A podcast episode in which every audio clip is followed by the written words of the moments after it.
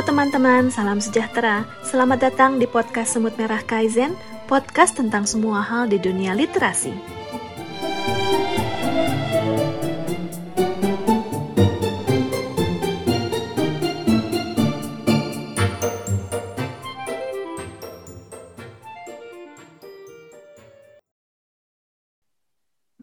Halo semua, aku Gar.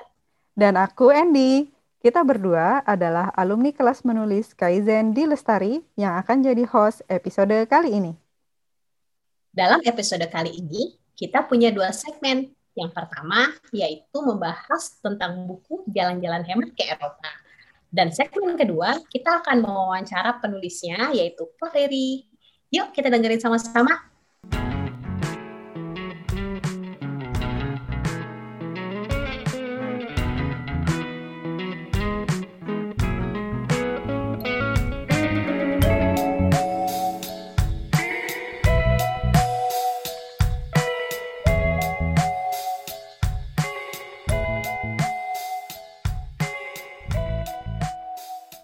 Ini itu judulnya adalah Jalan-Jalan Hemat ke Eropa. Ya. Oleh Yudinia Venkanteswari. Ini adalah cetakan ketiga ya. Cetakan Lagi ketiga. ya. Hmm, cetakan pertama 2011, cetakan ketiga 2012 dan kita berdua belinya yang versi e-book. Itu ada di Gramedia Digital sama ada Sama di, Google, Play ya. Playbooks, ya. Jadi buku ini itu kita menganggapnya lengkap Andy ya. Oh ya. lengkap karena Lengkap. dia ada pengalaman lalu kemudian dia juga ada informasi yang terbilang kita bilang lengkap lah ya. Cukup detail sih, cukup detail. Mm-mm. Eh, dan uniknya lagi, walaupun ini udah beberapa tahun yang lalu, kan dicetak pada tahun 2011 itu, dan kemungkinan pasti ada update-update tertentu dari jadwal-jadwal yang dicantumkan, dan informasi-informasi yang dicantumkan. Tapi yang sangat akan membantu pembaca adalah eh, website. Yes. Alamat website dari setiap informasi, baik itu jadwal transportasi, Mm-mm. itu akomodasi dan jadwal-jadwal Airlines lokasi. bahkan. Ah, ah, Mm-mm. bahkan airlines dan lokasi pariwisata yang akan dikunjungi gitu. Jadi kita bisa langsung ngecek kalau ada perubahan jadwal gitu loh. Yap, yap. Jadi Menurutku penting sih ketika yang apa tadi tuh eh, jat apa transportasi itu yang ada websitenya kadang itu pasti akan berubah kan ah, masalah benar benar itunya, benar. apa harga tiketnya. Tapi eh, jadi kayak udah ada bayangan aja. Iya, benar banget. Ini sangat berguna bagi orang-orang yang istilahnya males mencari informasi sendiri seperti diriku. sama kayak yang di depan dibilang sama Trinity bagus bukunya untuk newbie backpacker yang apa tuh namanya males riset. Jadi sebenarnya buku ini tuh kayak kumpulan hasil risetnya dia dan pengalamannya dia menjalani hasil risetnya tersebut. Gitu ya. bener bener banget bener banget seru sih dan apa ya beliau juga apa ya destinasinya juga nggak semua tempat-tempat yang terkenal di Eropa sih yang yang menurutku cukup menarik gitu jadi eh, cukup memberikan informasi tempat-tempat baru di Eropa sih. Kayak dia ke Luzern. Aku tuh nggak pernah lo denger Luzern gitu. Cerita dia kedinginan itu kan. iya. Nah kan kalau misalnya kita beli- lihat di Lonely Planet kan cuma bilang oh dinginnya segini derajat gini ya udah. Tapi kalau dengan dia cerita jadi kebayang gitu dingin itu kayak sedingin apa gitu. Dan capek jalannya tuh secapek apa gitu kan. iya bener. Jadi oh seperti ini ya gitu Kayak kayak pergi apa enggak ya gitu. Jadi bisa gampang memutus. Terus apa? Oh, itu, masalah surfing tadi. yang Ah, benar, coach surfing itu. Mm-mm. Ini aku baru tahu loh dari bukunya beliau. sama Eh, Yap, menarik sih ya ini. Jadi apa ya? Konsepnya. Mm-mm. lebih memudahkan eh, traveler buat cari akomodasi ya jadinya. Yap, kayak gini. yap. Yap, yap. Dan memang ras apa rasa percayanya itu emang harus dibangun gitu kan. Hmm, Yang nggak benar banget. ngasal aja gitu kan nerima tamu gitu. Iya, heeh, Dan- karena pasti nggak mudah kan menerima tamu orang asing di rumah. Hmm. Aku nggak kebayang sih. Ya, kita bisa tanya-tanya lebih lanjut kali nanti kalau pas ngobrol Oh sama iya Kak Ari ya. benar-benar. Menarik banget sih ini. banyak sih banyak hal yang apa aku dapat gitu dari dari baca buku ini. Yang pasti sih jadi pengen jalan-jalan ya nggak Gar? Itu udah pasti ya, pengen jalan-jalan, bikin ngiler berarti ya. Dan di buku di halaman terakhirnya dia bilang, aku ingat banget dia, dia bilang gini, kalau uh, ketika kalian baca buku ini sampai habis, pasti habis ini harusnya kalian itu nyiapin bolpen dan kertas untuk buat itinerary. Karena emang segitu bikin pengennya gitu. iya, iya, iya banget. Gitu. Iya. Terus apa lagi ya? Apa lagi ya? Informasi penting juga ketika kita jalan-jalan ke Eropa bahwa nggak hmm. semua negara Eropa itu apa ya ramah bahasa, bahasa Inggris. Ya. Hmm. Uh -uh, gitu. Jadi itu kayak cukup membuka kenyataan juga sih gitu kayak oh ternyata di Eropa pun walaupun istilahnya Inggris ada di Eropa ya nggak semua negara Eropa ramah bahasa Inggris gitu mereka juga tetap banyak yang istilahnya pakai bahasa lokal gitu kayak Prancis, yep, Jerman gitu-gitu jadi mm-hmm. uh, istilah-istilah yang istilah-istilah penting terutama makanan ya yang dikasih cukup bermanfaat buat kita di sana terutama makanan sih gitu. Mm-hmm. Oh iya sama satu hal lagi, dia tuh kan kita belinya yang versi ibu kan? Iya. Uh-uh. Jadi tuh kayak emang bisa dibawa buat jalan-jalan gitu loh. Maksudku kan ada kan buku-buku yang emang cuma tampil versi hard copy gitu. Nah itu kan yeah. susah kan. Mm-hmm. Tapi ketika dia juga hadir dalam versi ebook itu membantu banget sih. Iya bener. Jadi kita nggak perlu bawa-bawa bukunya gitu ya. Bisa dari HP aja gitu. Mm-hmm. Anyway tadi emang Karin kayaknya juga aktif menulis di blog kalau cerita tentang dia ke Jepang itu ada di uh, websitenya dia yang fankanteswari.net. Nah, hmm. terus kalau mau jalan-jalan bareng teman-teman itu ada juga di blog yang udemia.multiply.com. Itu hmm. atau dia bisa juga di kontak di email jalan dua hemat at yahoo.com atau follow twitternya di at jalan-jalan hemat.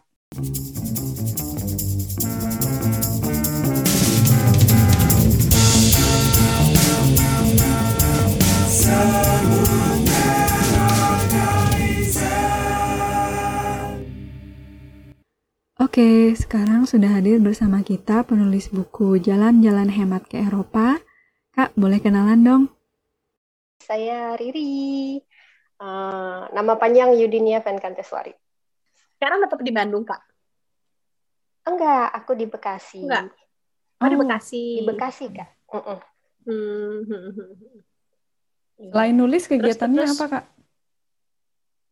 Aku pekerja kantoran biasa. Kalau weekend nulis, kebetulan saya tuh awalnya nulis juga nulis catatan perjalanan. Jadi karena nih 2020 nggak ke mana-mana juga. uh, dan moodnya nggak ada juga kalau mau nulis pas uh, traveling ya hmm. jadi ya fokus di craft aja kalau weekend weekend sekarang ngajar juga ngajar craft sekali gitu ngajar apa kak? sorry. kegiatannya. Craft. Craft. Uh, seni kriya. Oh, craft. Terus tadi Karli sempat bilang apa ngajar? Itu berarti ngajar ke mana kak? Ngajar craftnya itu? Ngajar craft tapi online. Biasanya pesertanya siapa tuh kak? Maksudnya orang-orang dari komunitas apakah atau gimana enggak juga sih untuk umum. Jadi biasanya aku posting uh, hmm. ada beberapa komunitas craft memang, tapi kalau misalkan ada yang lagi lihat pas lihat Instagramku atau pokoknya buat umum aja sih, siapa hmm. aja bisa ikut.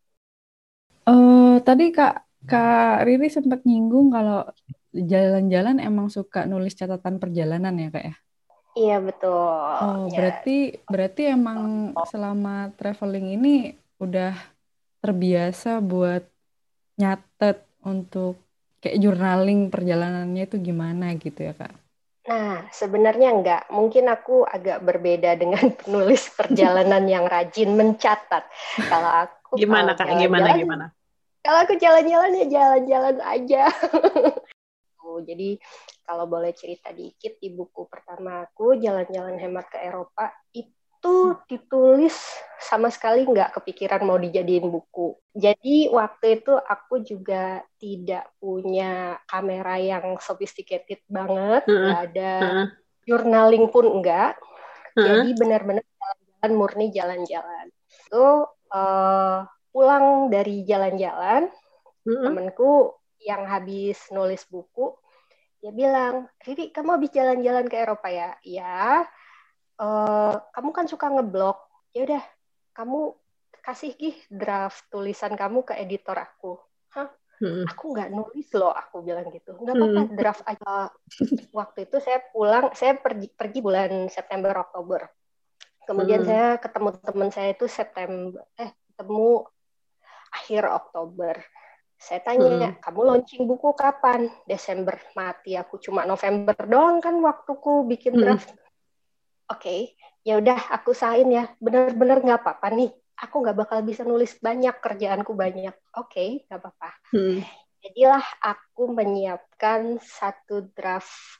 Draftnya itu cuma satu bab satu halaman.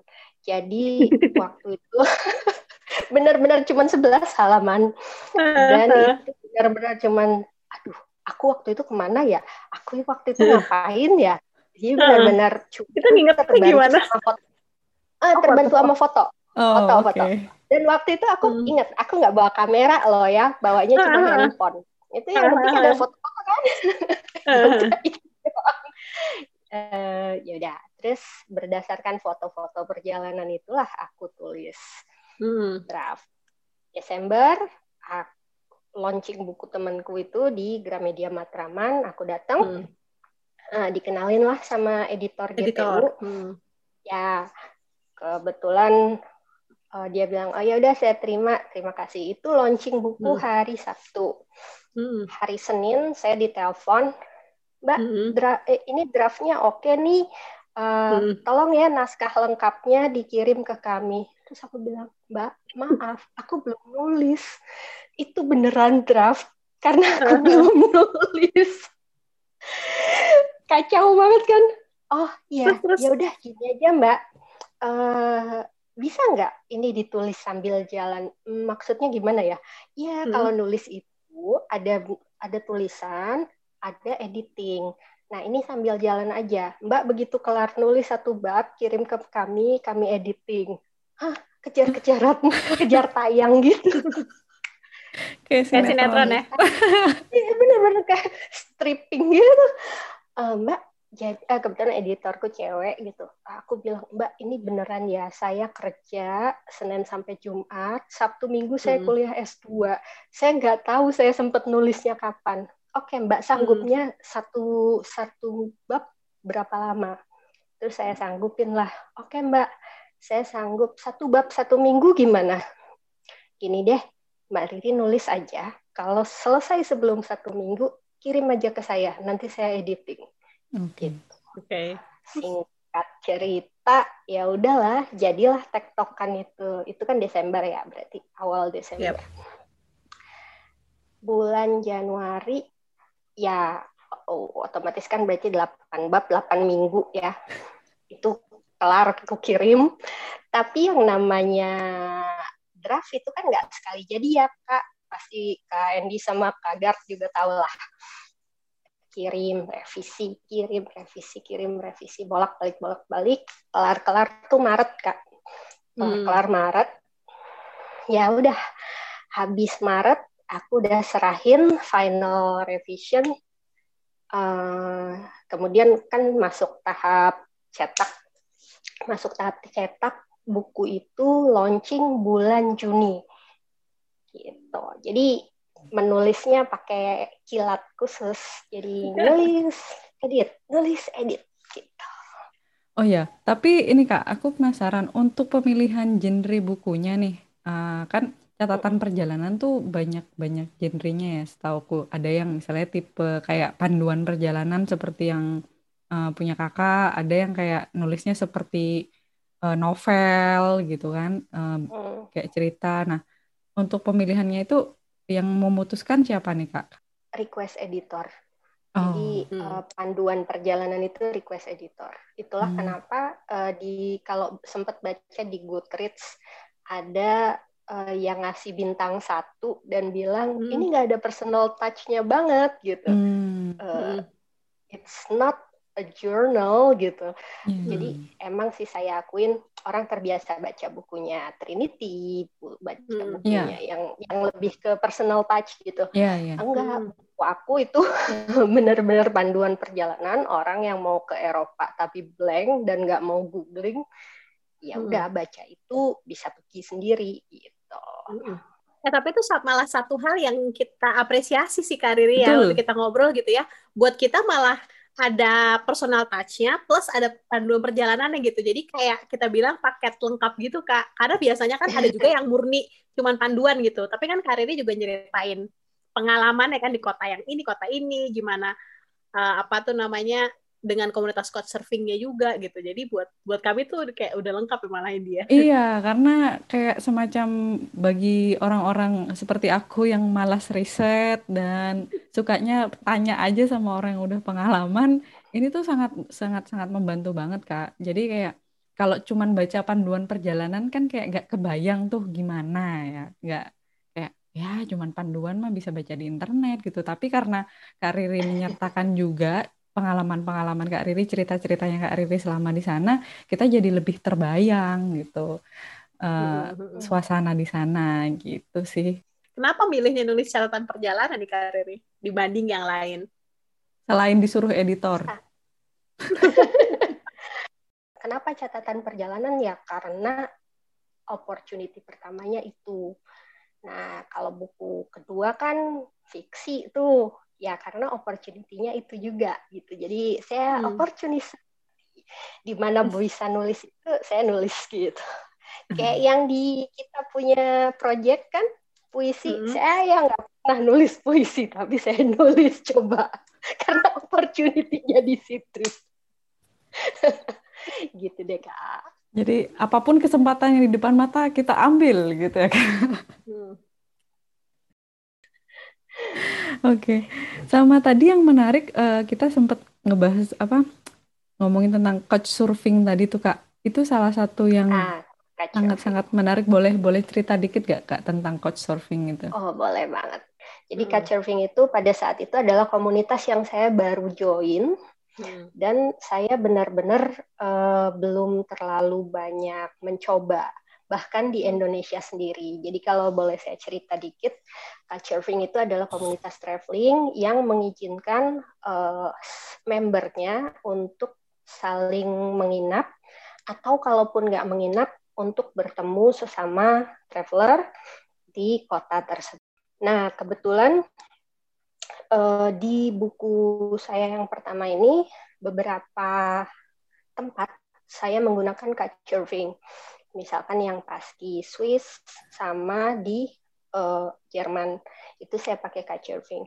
Uh, couchsurfingnya sendiri benar-benar menarik ya kalau menurut saya karena it's a total stranger's place Ya. tapi kita boleh nginep itu kan benar-benar yang ah, boleh gitu orang ke rumah Hmm. saudara aja kadang kita segen kan Ya. mau nginep gitu kita kadang orang Indonesia tuh kan nggak enakan bener Hmm. nggak sih ada Bener saudara di satu kota tapi kadang kita ah gitu kita nginep hotel aja deh nanti kita visit aja say hi ajak Ya. makan udahan tapi untuk Hmm. menginap itu benar-benar yang kita harus aduh nanti harus ngobrol lagi sama orangnya aduh nanti harus Hmm. berbahasa basi ya kan Iya. nah Hmm. itu uh, challenge juga sih Nah, itu uh, kebetulan waktu itu juga pertama-tama saya couchsurfing di luar negeri pula dan Hmm. alhamdulillah pengalamannya baik bahkan sampai sekarang masih keep in touch sama host-host saya yang di sana Jadi itu pengalaman pertama couchsurfing luar negeri gitu kak? iya betul pertama kali pertama kali Luar biasa. Kalau kita baca tuh kesannya kayak udah berkali-kali gitu ya nggak sih? Iya, udah expert gitu. Tahun itu saya pertama kali couchsurfing di luar negeri. Jadi sebelumnya karena gini, couchsurfing itu kan nggak semua membernya mengizinkan untuk menginap di rumahnya. Saya Hmm. sendiri waktu dari dari awal saya member couchsurfing, saya tidak pernah membuka rumah saya karena Hmm. rumah saya masih ngekos. Jadi waktu itu kan Hmm. namanya juga siswa S2 ya.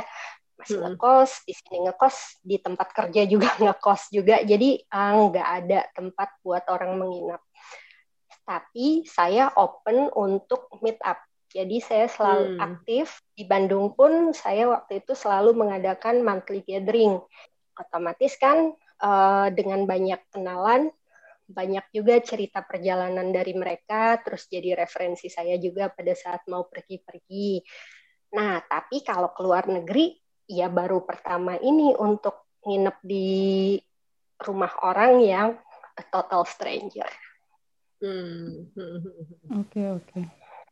Menarik sih itu. Sama ini Kak, sebenarnya ada satu hal yang aku penasaran banget dan gak nemu di bukunya.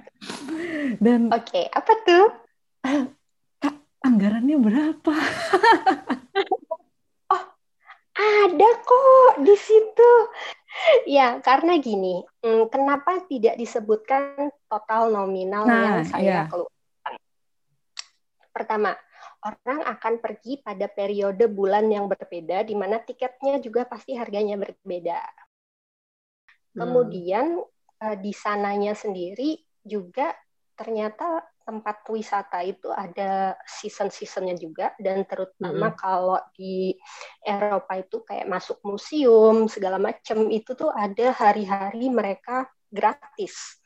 Nah, yang kayak gitu-gitu kan saya nggak bisa dong bilang, oh saya masuk ke museum ini gratis. Padahal Oh. pas orang ke sana, loh kok saya disuruh bayar gitu. Jadi kalau di buku saya saya sebutin, um, misalkan museum A biayanya masuk sekian. Nah, tapi kan ke, saya sebutin juga kalau mau dapat gratis, masuklah di hari Senin setiap minggu pertama misalkan. Itu dia Hmm. gratis. Nah, itulah kenapa nggak bisa di total general. Kalau di total Oke. semuanya nanti apple to apple. Ya, Tercerahkan, tercerahkan. Apalagi kalau makan, Kak. Nah, kalau makan, misal saya makan pain o chocolate dua, dua potong kenyang. Hmm. Siapa tahu teman-teman harus makannya tiga atau malah nggak sarapan. Kalau saya Oke. harus sarapan waktu itu supaya kuat jalan. Kenapa jalan? Soalnya metro mahal. Jadi benar-benar em, ada yang harus dihitung kayak Hmm. ya itu tadi kalau mau jalan kaki otomatis menghilangkan biaya transportasi kalau misalkan mau ah, hemat makannya juga nggak mau makan nasi setiap hari bisa makan nasi di Eropa bisa tapi nggak nggak selalu harus nasi kan di Indonesia kan udah sering makan nasi Oke. Jadi emang itu sebuah kesengajaan nulis anggarannya seperti itu ya kak ya? betul ada sebelumnya sebelumnya dirasa ini ya ah bohong nih hemat hemat dari mana perasaan masih mahal aja gitu ya Gak gitu sih kak, karena penasaran aja gitu. mikirnya dari dari judul ya, judulnya kan hemat kan, Heeh, hemat jalan-jalan Iya. hemat ke Eropa. Nah, jadi aja, jadi totalnya berapa nih yang dibilang Totalnya hemat ini? berapa gitu. dibilang hemat nih? Aku Iya, harus iya. nabung berapa? gitu. Terus uh, masalah tiket gratis atau tiket murah itu benar-benar untung-untungan banget. Hmm, hmm, Uh, saya punya cerita dikit. hmm, Kalau ada yang bilang tiket pesawat itu mahal, ya kan? Padahal kalau kita itu rajin mantengin, kita kan tahu dong standarnya. Oke, misalkan Hmm. kita mau ke Amerika gitu ya. Amerika Hmm. itu paling enggak tiketnya belasan juta. Oke, Hmm. di musim apa pun minimal ya kan. Tapi hmm. saya pernah dapet tiket murah ke Amerika Hmm. sekali jalan, eh enggak bolak-balik itu nggak nyampe 5 juta Oke. Hmm. rupiah. Kenapa bisa gitu? Karena Hmm. satu, saya join beberapa komunitas traveling yang sangat update terhadap tiket harga, Harga. tiket murah. Ya. Dan Jadi mereka langsung akan dikasih saling tahu gitu. menginformasikan, ya, saling menginformasikan. Eh, ke Amerika murah, ayo kita beli, ayo, ayo, ayo, ayo. Hmm. Hmm. hmm. Itu kan saya bekerja di suatu perusahaan yang memang agak susah untuk cuti, Mm-mm. jadi rada-rada gambling. gambling. Gamblingnya dua kali. Gambling satu dapat cuti apa enggak. Mm-mm. Gambling kedua dapat visa atau enggak. Oh. Karena tahu sendiri Amerika. Amerika ya. Amerika. Jalan-jalan yang ke Eropa di buku ini tuh eh, pertama kalinya kakak keluar negeri atau gimana nih kak? Oh enggak, sebelumnya saya udah bolak-balik ke Jepang, ke Filipina, ke pokoknya ASEAN bolak-balik. Cuman biasanya bisnis trip plus plus. Hmm. Jadi bisnis Oh. tripnya misalkan, let's say kita bisnis trip berapa lama, terus nanti extend kayak gitu biasanya. Kan nebeng Hmm. tiket doang ya. Iya. Kalau yang ini beneran serius mau pergi ke Eropa gitu. Oke. Berarti setelah setelah perjalanan ke Eropa itu berarti kan kak udah ke Amerika juga untuk liburan ya. Nah ada rencana nulis buku perjalanan ke jalan-jalan hemat ke Amerika atau lainnya itu gitu kak? adalah hutang hutang saya ke editor saya. Jadi jalan-jalan hemat ini asalnya ada jalan-jalan hemat ke Eropa, ke Amerika, Mhm. sama ya Asianya dibagi Hmm. dua karena terlalu jauh, terlalu tebal bukunya kalau mau dibikin Asia, jadi ASEAN dan non ASEAN.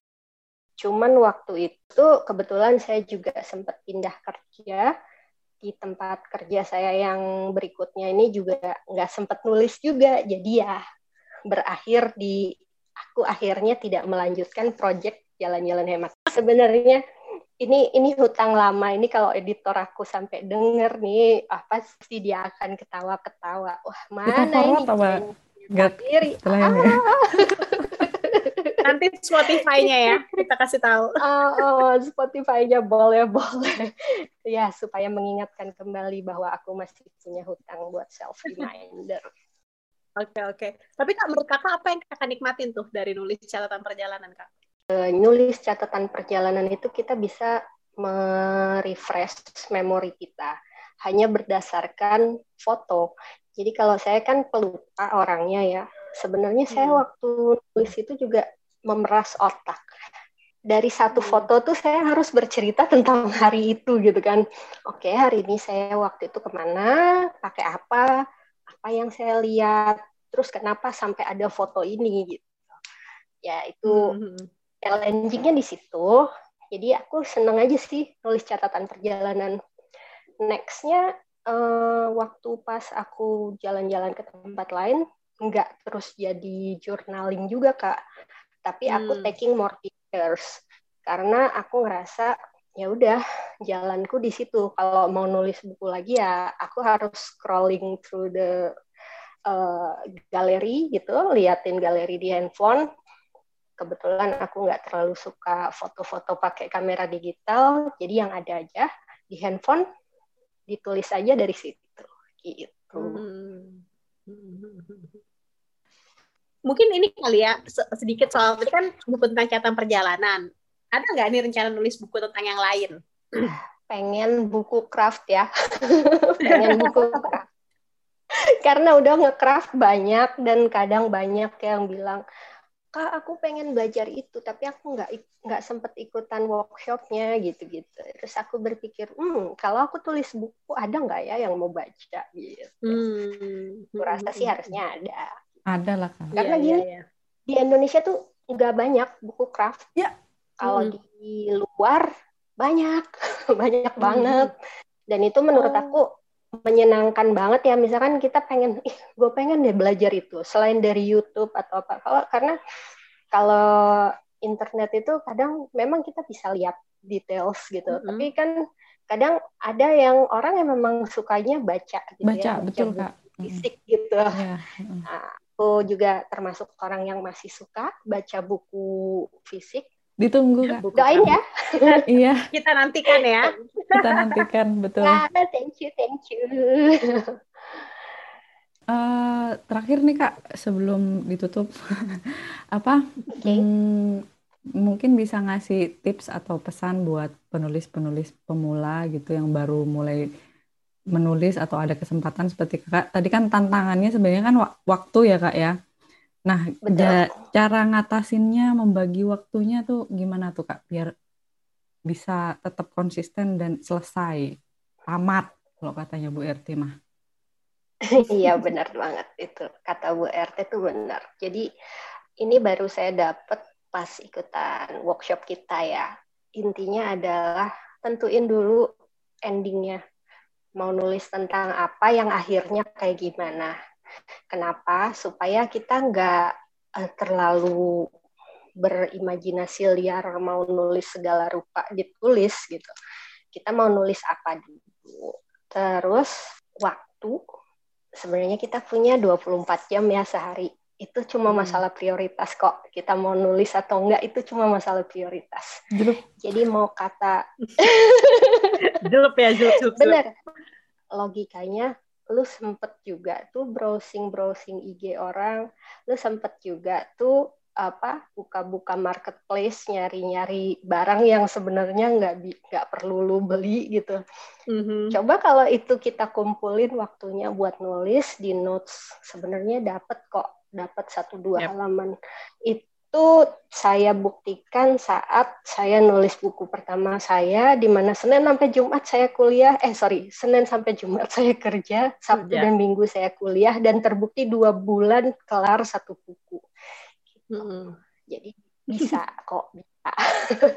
itu masalah prioritas aja. Oh sama ini kali kak, kalau riset gimana kak? Sambil hmm. nambahin bisa ada tips-tips nggak tuh untuk riset kalau mau bikin tulisan perjalanan atau bahkan tulisan lainnya? The best advisor for the place is a local. Hmm. Jadi kalau misalkan mau riset tentang uh, suatu daerah, samalah hmm. kayak Bu RT, lu cari tahu orang yang beneran tinggal di situ. Not necessarily hmm. kamu pergi kok ke sana. Jadi nggak nggak selalu menulis cerita perjalanan itu lu harus pergi ke sana tuh enggak. Tapi lu harus dapat cerita versi orang lokal hmm. supaya ceritanya cowok. Contoh simple. Uh, banyak yang bilang Paris itu romantis, Paris itu itu. Nah, hmm. apa yang saya tulis di buku saya, Paris itu bau, Mm-hmm. Paris itu sama sekali nggak romantis kalau menurut saya. Kenapa? Hmm. Karena saya ngalamin sendiri di di Paris itu nggak kayak, kayak yang diceritain orang-orang. Nah itu hanya bisa diceritakan dari point of view either kita sendiri ke sana atau hmm. dapat cerita dari orang yang tinggal di sana. Oke. Okay. Hmm. Oke, okay, thank you banget Kak Riri udah meluangkan waktu ngobrol-ngobrol bareng aku dan Gard hari ini. Sukses. Sukses juga buat Kak Endi sama Kak Gard. Selamat menulis. Oke. Okay. Thank you, Kakak. Thank you, Kak. Demikian podcast Semut Merah Kaizen episode kali ini. Sampai jumpa di episode berikutnya. Karena semua orang bisa menulis dan semua penulis butuh komunitas. Salam literasi.